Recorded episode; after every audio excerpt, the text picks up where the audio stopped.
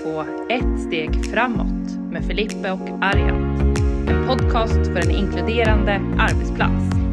Welcome to the podcast Ett steg framåt, a podcast about diversity, inclusion, and the work life. Today we will talk about LGBTQ inclusion. How do we work with this on our workplaces? How do we engage, and much more. And we have a very special guest host today from Norrköping. Uh, very welcome, Lisa. Please tell us who you are a little bit more. Thank you so much. My name is Lisa Fredriksson, and I work as a chairman in Norrköping. And I work a lot with uh, LGBTQ questions, and I uh, speak about them for companies and for uh, different workplaces in Norrköping and all around Sweden. And this is really my my passion and where I uh, started everything with uh, trying to help people on a different level concerning their work life. So um, that is really my passion, and that's why I was invited here today, I guess. Yes, very glad to have you here, Lisa. And of course, we have two very special international guests here today. We have Martin Stark from Australia. Very welcome, Martin. Good evening. Thank you for welcoming me. First of all, I would like to acknowledge the traditional owners of the land where I currently am, the Gamaragal people, and pay my respects to elders past, present, and emerging. I'd like to extend that respect to all Aboriginal, Torres Strait Islander, First Nations people. My name is Martin Stark, originally from the UK, now live in Sydney, Australia. I am the founder and CEO of the World Gay Boxing Championships. I'm also a keynote speaker, very passionate about courage and inclusion and making a difference in a meaningful way. Thank you, Martin. So glad to have you here. And we have also Ivy Wong from uh, Shanghai. Welcome, uh, Ivy. Hi, everyone. Thank you for inviting me. It's my pleasure to be here. Hi, everyone. My name is Ivy. Um, originally, I'm from Hong Kong. Have been in Shanghai for the last four years. For the last five to six years, I've been working on diversity inclusion with companies as a consultant to support their D&I journey, and especially on LGBT fronts. In 2015 to 17, I led the Hong Kong LGBT Workplace Inclusion Index, which is a benchmarking tool to support um, companies on, you know, um, the LGBT inclusion. 2017, I came to Shanghai because um, there's so much potential that I see. Uh, at that time in diversity inclusion, um, I joined Shanghai Pride as a volunteer first um, to promote LGBT inclusion. And then now, 2020, I launched uh, consulting to, to work uh, professionally with companies to support the D&I journey here in China and Asia. Great, great, uh, Ivy, to have you here. Uh, Lisa? I would like to start off with you, Martin, and hearing a bit more about your story. I know that today you're working with inclusion in several fronts in the sports world and in the corporate world, and also on social media. Please tell us more about your journey. My journey, I'm in my mid 40s. I'm, I'm a proud gay man. I came out at the age of 27.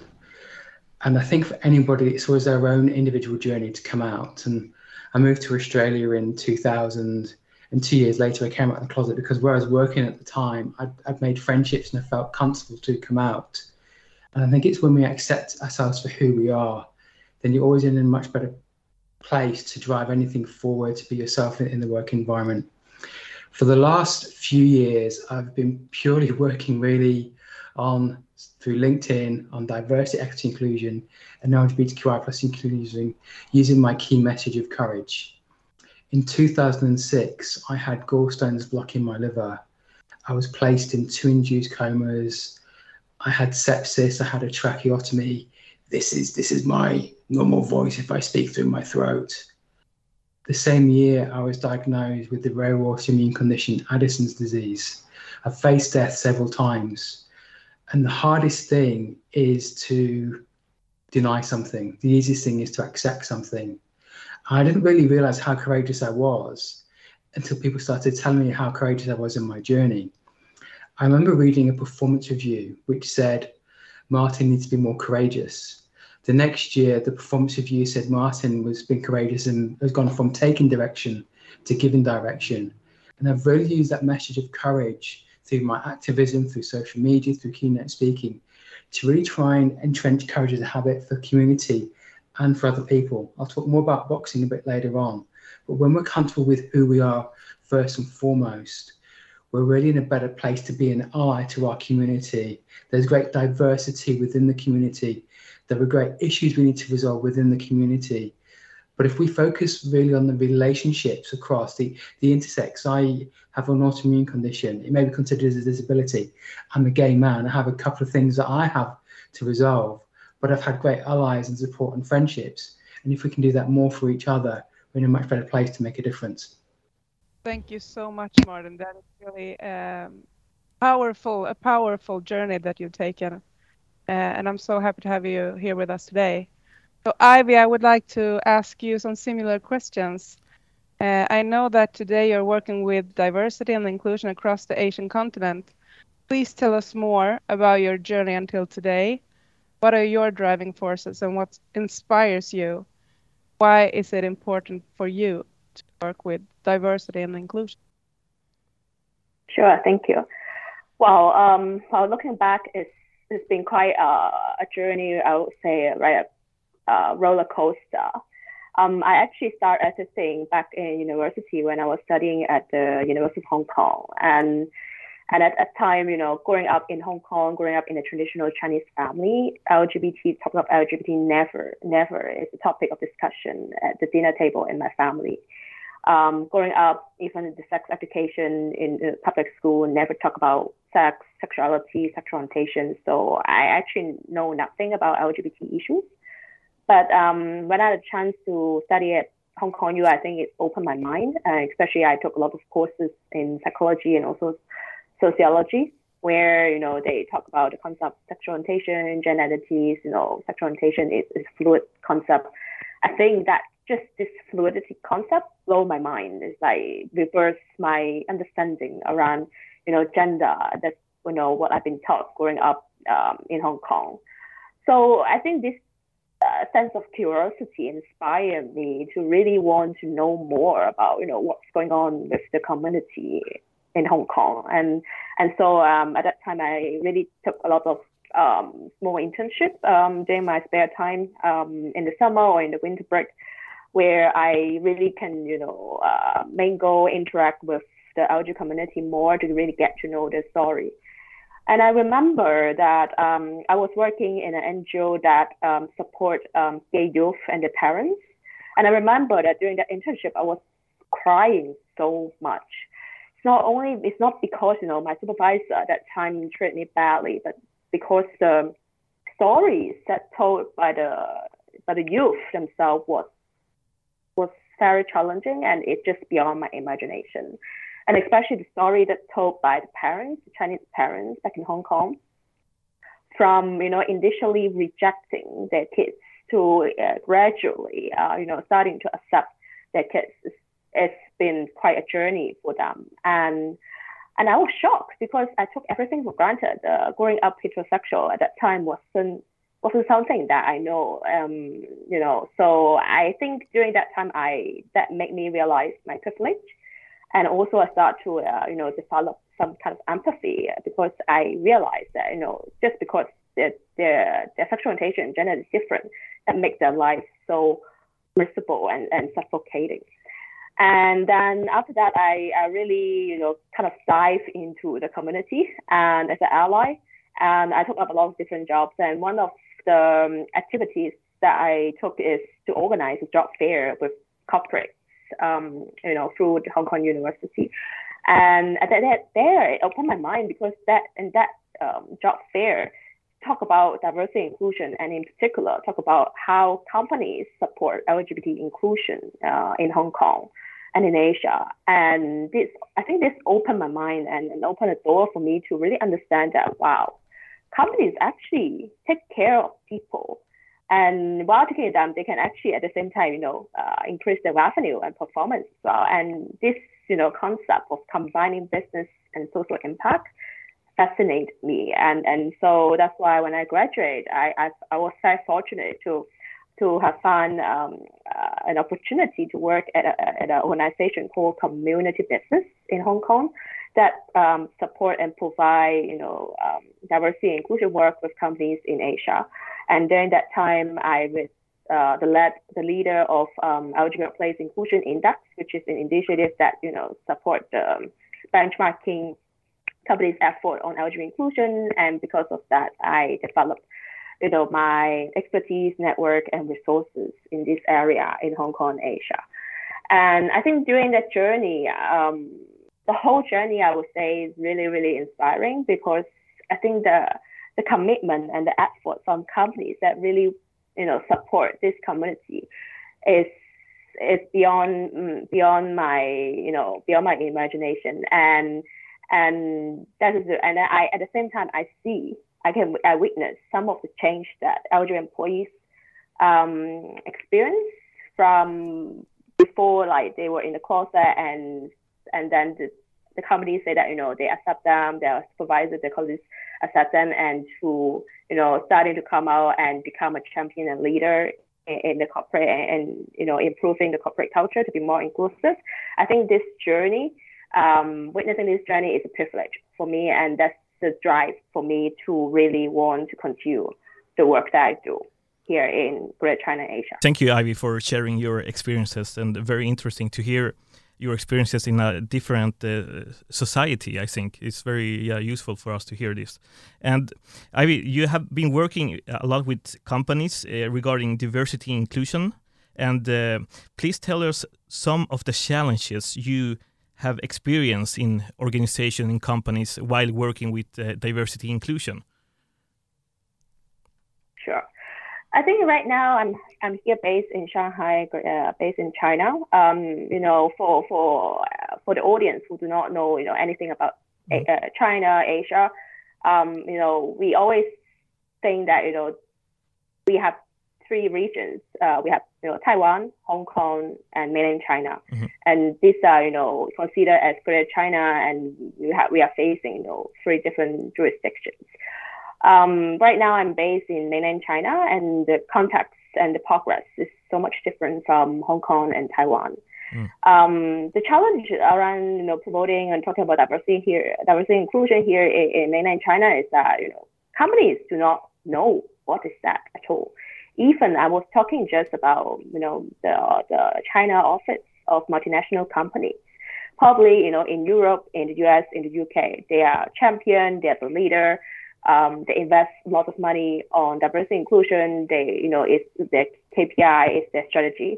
But back here in China, they do not know anything. They do not even know what is called, you know, in their language. And so that is the reason why we are here based in China to really give them the tool, the vocabulary, um, to help them to start to talk about it, to understand, you know, what is diversity, equity, and inclusion in the Chinese context. Mm. And that's the first challenge. Another challenge is, I think, especially in mainland China, the, the pace is so fast that uh, companies do not want to invest anything that is long term. Um, companies just want quick wins. They want things that happen, you know, in three to six months. They want, you know, the result that happen. But you know, investing on diversity inclusion probably, you know, it may take one year, more than one year, two years to go. Mm. And leaders in China, especially in multinational companies in China, they do not have the patience to wait for for, for the you know long term impact um, of this initiative. So they when they cannot see the impact, they can they they will say, okay, I cannot bring back you know what I achieved back to the headquarters. Uh, I better you know invest my energy and effort in other fronts. Mm. So I think that's this the resistance that we face and to really persuade and, and you know give them the values of why investing and making them as a long-term strategy is will be valuable and useful for their long-term uh, you know development as a company in China. Yes, thank you, Ivy. So interesting to hear. And uh, you're you're pointing out the the lack of knowledge and uh, in some of organizations and uh, companies. But uh, we, yeah, and you're telling that, yeah, there's a lot of lack of knowledge. But I also think we have this same, uh, how say, uh, challenges also in our countries. I imagine in Australia and Sweden, also the the lack of knowledge. That's very uh, international lack of knowledge in this uh, in yeah. this topic. I I, I yeah. think we always need to make the languages so as easy to understand as possible. Yeah. I think there's a lot of fear at the moment. There's a lot of pushback globally on LGBTQI plus rights. And I think if we can start from a place of inclusion where we can have these uncomfortable conversations, but when we engage with courtesy and respect, I think people, you can spend five minutes researching on the internet what something means, then come and have a conversation. And then we should, people should feel comfortable to be able to ask the difficult conversations. When they start from a place of respect, we should not respond with hostility. We should open the hand of friendship. You know, we talk about barriers. You know, you, you go from one country to another, mm. but there are human values of dignity, respect, courtesy. When you travel on holiday, you you get to know the people of the cult of the country where you're meeting, but you might also meet people from other parts of the world and, and forge those lifelong friendships. And that has been humanity for years. And never forget that. And LGBTQI plus people, we're part of this planet, we're part of the community, and we just want to belong like anybody else. And I think it's very powerful see someone as a uh, as Ivy, who's an ally to the LGBT community, being speaking about it so strongly, making it like a real focal point in her life. It's really inspiring and empowering for us to belong in the LGBT community. Yeah. If, if we're called a derogatory name, it's more powerful when Ivy says something than we say something back. That just that human kindness I, I can't underestimate, understate, sorry, what that means when somebody speaks up. Mm. I think I can add that, you know, a lot of people have been asking me, you know, why I, I support, you know, LGBT community as, as an ally. I think, you know, I think at the end of the day, we we are all the same, no matter what kind of sexual orientation, gender identity we have. Um, you know, I think the same as in we are all unique and we're all different. And I think that's just the uniqueness and the difference that we need to celebrate. Um, you know, most of the time when I talk to people, I always say that, you know, I'm not saying that, you know, you need to change to be LGBT now. Uh, everyone has to be LGBT at the, uh, you know, changing their sexual orientation. It's not, it's not what I want. What I want is I want to really create an environment where everyone can be themselves, no matter they're female, they're male, heterosexual, um, homosexual, etc., etc because at the end of the day, that's that's the beauty of human. That's you know the value, the the the, the value and the effort that you know we, we can give you know to the society to celebrate the difference. So I think that is the reason why you know I, I really want to continue this journey. Um, but you know um, because sometimes I find it surprising that you know people don't understand this essence and I think people um, don't understand the power of allyship. So thank you so much, Ivy. Thank you so much, Ivy. Um, and um, uh, let's go to Martin. Martin, you, you, are today a openly gay person and the creator of the World Championship of uh, World, World Gay Boxing. Uh, please tell us more about the challenges you have faced in your journey regarding inclusion, and what what are your recommendations, solutions to to face these challenges? So I think the biggest barrier for myself was accepting I'm a gay man. You know, I remember being a teenager, first aware of my sexuality. This is back in the 1980s, where the only media was was very very negative. You know, the laws were being enacted in the UK, something called Section 28, which basically prevented any student being able to get counselling from a teacher, thinking, "Am I gay?" There, there were no resources I remember watching Two Men Kissing on Britain's most popular soap opera, EastEnders. And it was a peck on the cheek. It, it was nothing, but it was national outrage, tabloid media, everything. How dare there be two gay men on television? Things did start changing slightly, but still, it, we weren't even talking about same-sex marriage then. It was just be the, the basic dignity. The, the, the laws were very, very homophobic. The environment's very homophobic. So the first thing is to accept myself. That was the biggest barrier for, for inclusion. I knew I was gay. It took me time, but as soon as I came out, I was immediately accepted by my friends and family. I've been in a 19 year relationship with a black man. We're married, you know, from, from Africa. So imagine telling my parents that I'm gay and I'm marrying a black man. And you know, my whole family just wonderfully accepting. but the other barriers to inclusion, I have experienced homophobia like anybody else, not too much compared to others, but I'm the type of person who, who will say something. Often when you say something, people will get very defensive. I'm not being homophobic. You can't take a joke. It's banter. And I think humor is a great way of mm. overcoming it and breaking down barriers. But at the same time, I'm very courageous and resilient. So I, I take a firm stand and I won't put up with things and that's really driven my, my passion in sport, which I'll talk about later. But the biggest barriers, I think, for me were accepting myself and then finding where I can be openly gay and be comfortable and not care what other people think. That was that was the hardest challenge.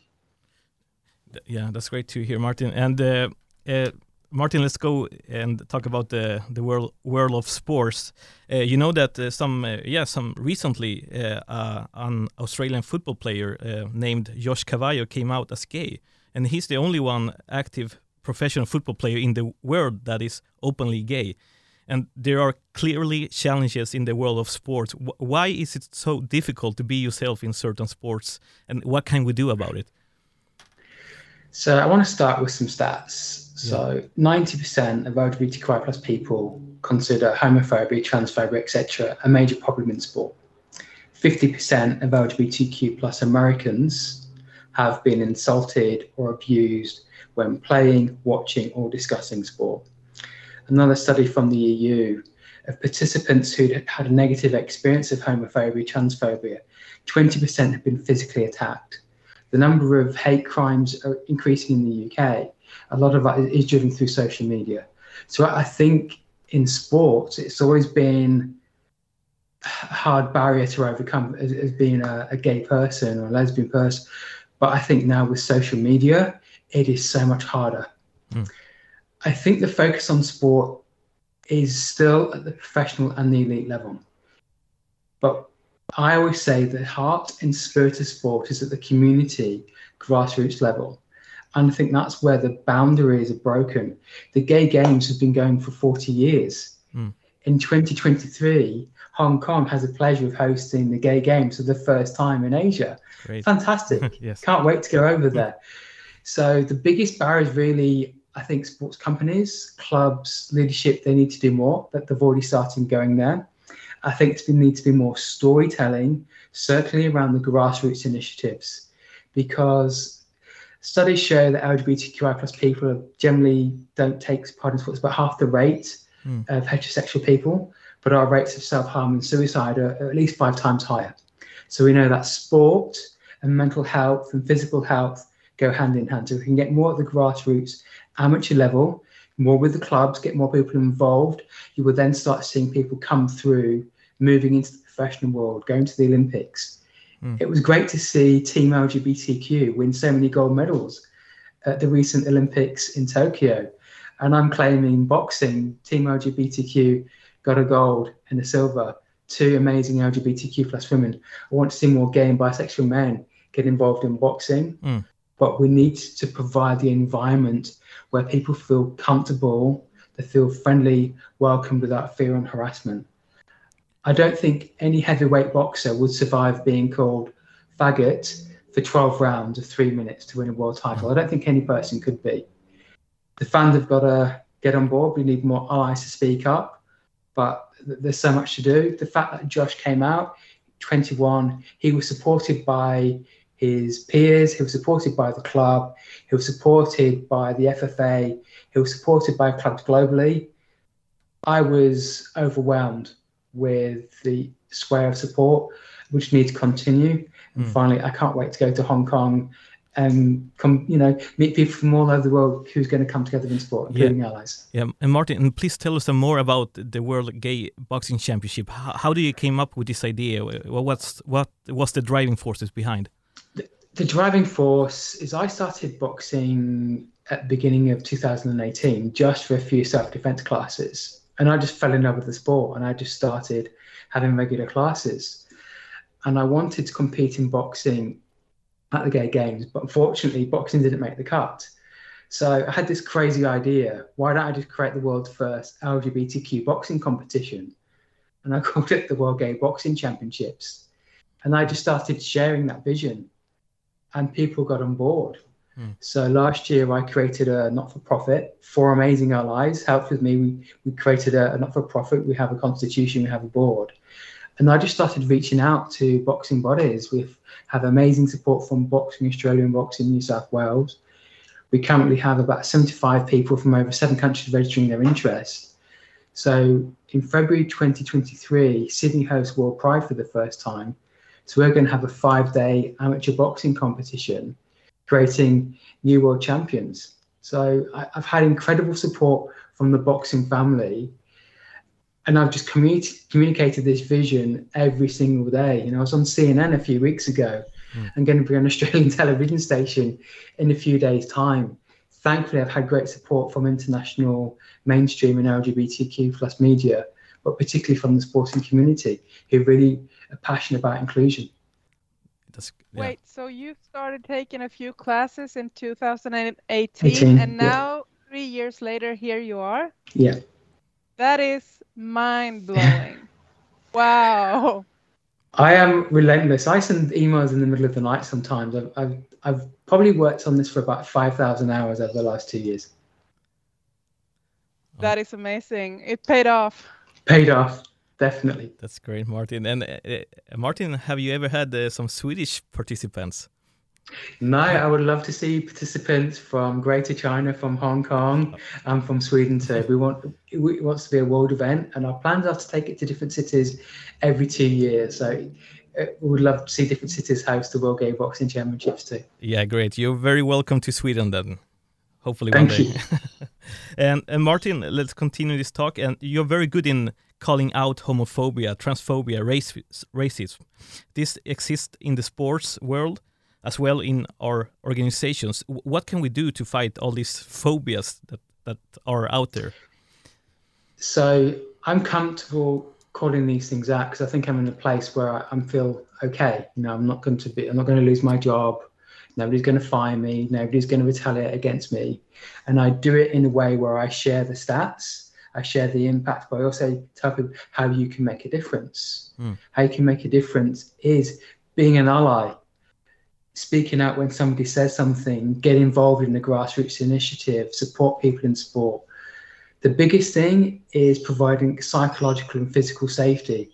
So if you hear so hear something and it's safe to do so, say something, or, or maybe report it. Report it to your sports stadium, the sports club, because the more awareness of issues, the more issues are reported, the more likely people are going to do something about it. But also create an environment where if you're going to your local gym, your local sports field, your local sports center, invite your gay brother, your lesbian sister, your trans cousin along to join you. Help them create a sports team. Mm. Once you start that that ground roots movement where people feel comfortable and welcome, more people will come along, and that has a cascading effect sport has no boundaries, sport has no barriers. Mm. That's why we celebrate things like the gay games. That's why we celebrate the Olympic Games. That's why we, we celebrate international sport because it should be an environment where everybody feels safe and comfortable and celebrates success. Great, Martin. Great advices. Uh, Ivy, the, the same question for you. What can we do to fight all these phobias that are out there? I think there are several layers into this question. So first, especially, um, I would say rather than fight, I would say really to really understand what this phobia is and where they come from, and and why they would have this kind of phobia. I think especially in mainland China, um, we do have a lot of phobia. We do have you know a lot of you know homophobic, transphobic uh, you know behavior um, that was attack, uh, attacking the community. Um, from the workplace, um, that's not much, but of course still exists. We we hear a lot of stories, especially for the transgender, you know, um, employees who want to really uh, who come out, you know, doing in job interviews to really got bullied and you know harassed, uh, you know, during during job interviews. Um, but then I think rather than fight, really to really understand what, where they come from. And I think most of the time when we really um, start to have a conversation with them, we realize that it's really just, you know, come from ignorance. mm. come from misconceptions, come from myths around LGBT uh, community or issues here in you know mainland China. You know, especially if you, if you look at you know the history of mainland China, of you know of Chinese history and development. Um, there's a lot of uh, stigma around you know gay people having you know HIV. Um, there's uh, a lot of people still think that LGBT is a mental illness. Uh, a lot of people even don't think that you know there is it's actually not illegal, not illegal to talk about LGBT or even you know being LGBT in China. And so there are lots of still, even though that you know um, homosexuality has been decriminalized, have been delisted from mental illness um, in China for 20, 30 years, still um, people are still asking questions um, about this. And the other day, um, there are people who ask me, you know, if there's any authority giving out, you know, certificates or validation to verify someone is LGBT or not, you know, in mainland China. So, you know, this may, you know, for, for, for us, for the community, they must like, wow, this is very shocking that they can ask this kind of questions. But I mean, at least they ask kind of questions. They're not, that it means that they, they are willing to understand and, and to, to question and, and to be curious. And that is why we are here to really clarify this kind of myth and, you know misconception around LGBT community. And what we can do is here, especially in mainland China, is to, be, to have patience, um, to have the conversation again and again, to talk about it again and again, because at the end of the day, if we talk about it, talk about it enough, if we, you know, um, able to, you know, inspire people's curiosity, we know that change, you know, will will happen, you know, one day. So I think that's that's what we are doing right now here in mainland China. You sound very hopeful, Ivy. It's nice to hear uh, about some hope in these issues. And also, I would like to ask you, Martin, what are your thoughts and feelings about um, fighting these phobias and creating change in the workspace specifically? Because that is that is uh, my focus, and I would like to pick your brain in that. So, I, th- I, think the workspace has changed considerably in the last 10, 15 years. When you think about employee resource groups, you know, workplace equality indices, think about the US, they've got the Human Rights Commission, the work I was doing in Hong Kong with the Workplace Equality Index, the Australian Workplace Equality Index. Companies are doing so much more than they were doing 10 years ago, probably even five years ago. I think I am very concerned about words like woke and cancel culture. I think it's an absolute myth. There's, there's been a lot of pushback, I think, the last few years around calling something out. And I, I call it about accountable culture. It's about saying this is the impact those words have. This is the impact on homophobia. When you think about how many people don't feel comfortable to be themselves in the workplace. They go into the closet when they leave home, then they go into the workplace. But imagine the difference when you feel accepted in the workplace. I still feel there's a lot of pressure, and it's more people to look at the leadership to say the organization is doing this. I think it's more about now about advocacy, moving on from being an ally to being an advocate, actually helping your LGBTQ colleagues, mentoring, helping people to get that next opportunity to, to step up because when you look at the organization, how many LGBTQ plus board members are there? How many LGBTQ CEOs out there? How many LGBTQ plus general managers are there? Few and far between. You probably see more white gay men than anything else. But how about the diversity within the community? Once people see themselves visibly represented, people think that would be an organization for me. Particularly the diversity within the community because I think often white gay men tend to operate this space and we need to be thinking about people of color, people with different backgrounds sharing their voices and experiences. Me coming out as a gay man from the UK and Australia would be very different from a gay man in India, from a lesbian woman in China, from a trans person in South Africa. We have to start sharing more stories workplaces keep doing, but avoid the performative statements. Avoid the we we embrace diversity and inclusion, but when it comes down to it, do you really do that? If I had an issue with homophobia, Would it be safe for me to report it? Would I be retaliated against? Would I fear the consequences? Would I be seen as a whistleblower? Um, and organisations need to walk the walk and follow through on, on, what they say, not just for LGBTQI plus, but for all the other isms, for racism, for misogyny, for all of those things. Because once we start tackling systemic problems with one community, it benefits all communities. Thank you so much, Martin. I totally agree with you. Ivy, what are your thoughts about this? Thanks, Martin. It's great hearing you sharing. Um, I just want to add because you know just now you mentioned that you know I was very hopeful. I think I think that's the attitude that I, I need to, to have here in mainland China. Um, especially the environment here is deteriorating. Um, you know, with Shanghai Pride, the major and the largest, longest um, community in China closed down last year. And then, you know, if you look at the media, we have a lot of um, sort of crackdown on, you know, in terms of um, me, uh, the WeChat account of student LGBT group here in China got cracked down as well um, um, in the summer. Um, you know, the environment overall is deteriorating. And and if you look at the UNDP UNDP report, um, you know, they have a figure that talk about what uh, what in what context LGBT people face discrimination, and, and uh, the most discrimination that they face is actually from the family, unfortunately, here in mainland China.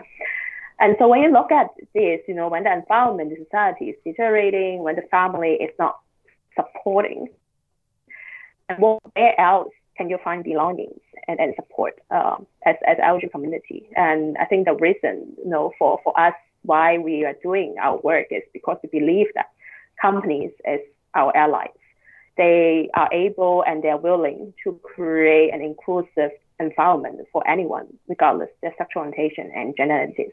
And especially in mainland China, they are really uh, stepping up the game, I would say, especially on the multinational companies front, in to really raise the visibility, to really create a safe environment for people to ask innocent questions, to clarify the myths, and to learn about you know the community, to put themselves in their shoes. And so that is the reason why you know I am still quite positive, and I'm still here based in Shanghai to really support companies in their LGBT and you know in their DNI journey here in China. Thank you so much, Ivy. I would also like to hear from from uh, both of you what kind of questions you're fighting with right now, big or small, that you feel are uh, key points that are a bit harder to reach. Martin, I would like to start with you, if that's okay. I think one of the questions I'm asked mainly is why do we still need LGBTQI plus sporting events? I think people think we now have marriage equality in many parts of the world. I'm not homophobic. I'm not transphobic. Why do we need those events? And why is it only for the LGBTQI plus people? Um, my answer is the stats I shared earlier. It's my thing is I don't want to have these events anymore. My goal is to disrupt homophobia, transphobia through inclusion and participation. There will always be affinity sport, but my goal is to end this isms, to end the phobias. But we need more eyes because until we get to that point that there are more people speaking up rather than being silent or leaving it to the victims of discrimination to resolve with our, with our friends, that is still a long journey to go. So I think it's it's still the why is this still a problem? I would say it is the biggest issue, and I think we need to also be aware we are living in, in a global world, and an experience in one part of the world might be similar to someone's experience in a different part of the world. So please always be standing in, in solidarity with the community. Let people know we're thinking of you, we, we care about you, because you may not feel accepted by your family, but if you are accepted by your friends, you have a space. We're moving from the term safe space to brave space where you can be yourself. Those groups provide so much relief and comfort and a place where you can just be you and, and breathe and be you. Those spaces are so important. I agree. Support can come from many different uh, yeah. angles. Ivy, what are your your thoughts about this? are there any like keynotes or special parts that you feel are very important but still are a bit harder to reach when it comes to allyship and, and respect and acceptance? Sure. I think there are two things that I, I'm I'm kind of focusing on this day right now, um, especially. Um, first one is on um, having data, um, data that support the value of LGBT or DNI here in Greater China or Asia, because I think most of the time we are still using a lot of data um, that's from the West, from Europe, from the US. You know, they're credible. They are from you know incredible university, Harvard, you know, Oxford uh, McKinsey, BCG, etc.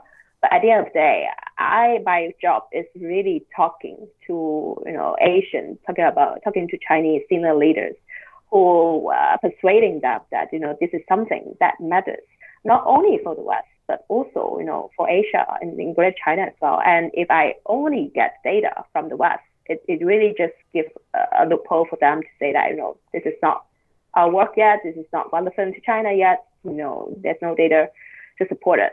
So that's the reason why, you know, I actually study a master myself um, during the pandemic uh, to really, um, you know, learn some, you know, research uh, skills to really want to, uh, you know, tap into this um, gap um, to, uh, to really support, uh, you know, and, and, create more data uh, on, on the value of supporting diversity and inclusion in Greater China and Asia. And the second thing that we we lack is um, having a, local champion, um, especially an out local champion, especially in China, because I'm a firm believer of what we cannot become if we cannot see. Um, if LGBT people cannot see LGBT local Chinese leaders on the top, they they will hesitate to come out. They will be hesitate that you know if they come out, they their career would jeopardize. They have lots of you know worries, etc. But then if they can see Chinese local leaders who are able to come out and be good at their job and be you know celebrate um, you know his or her differences, I would I would think that this would be very very inspiring for LGBT uh, you know people, especially in China, to really you know be, be themselves at work. And not only China, but I mean, where I come from, from Hong Kong, um, there's not much many Hong Kong Chinese leaders who come out as well. A lot of uh, foreigners, you know, who are really eager and be open, you know, on the ground in Hong Kong.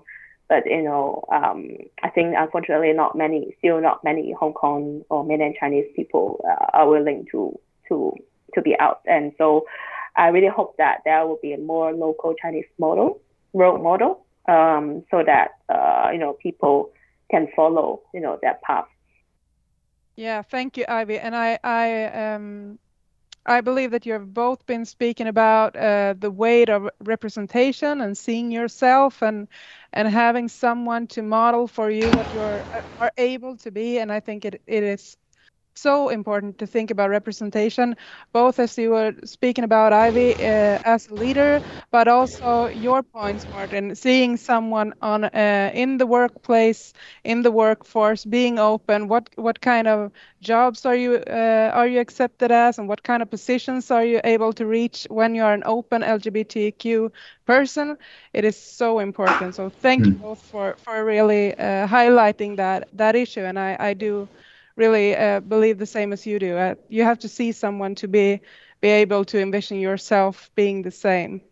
But I would also like to to ask both of you, how do we keep the the question about inclusion alive in our workplaces? How do we get people to engage and reach a real commitment? Uh, Martin, do you have any ideas for me? Ivy mentioned the Boston Consulting, the McKinsey reports, I think when we're still in the business case for diversity and inclusion, people are thinking it's an HR issue, it's a business issue. It's something which affects everybody. And I'm a big believer in taking it into your team meeting, having a coffee conversation, meet, reaching out to other people. Inclusion is mainstream because we all want to feel included, we all want to feel respected.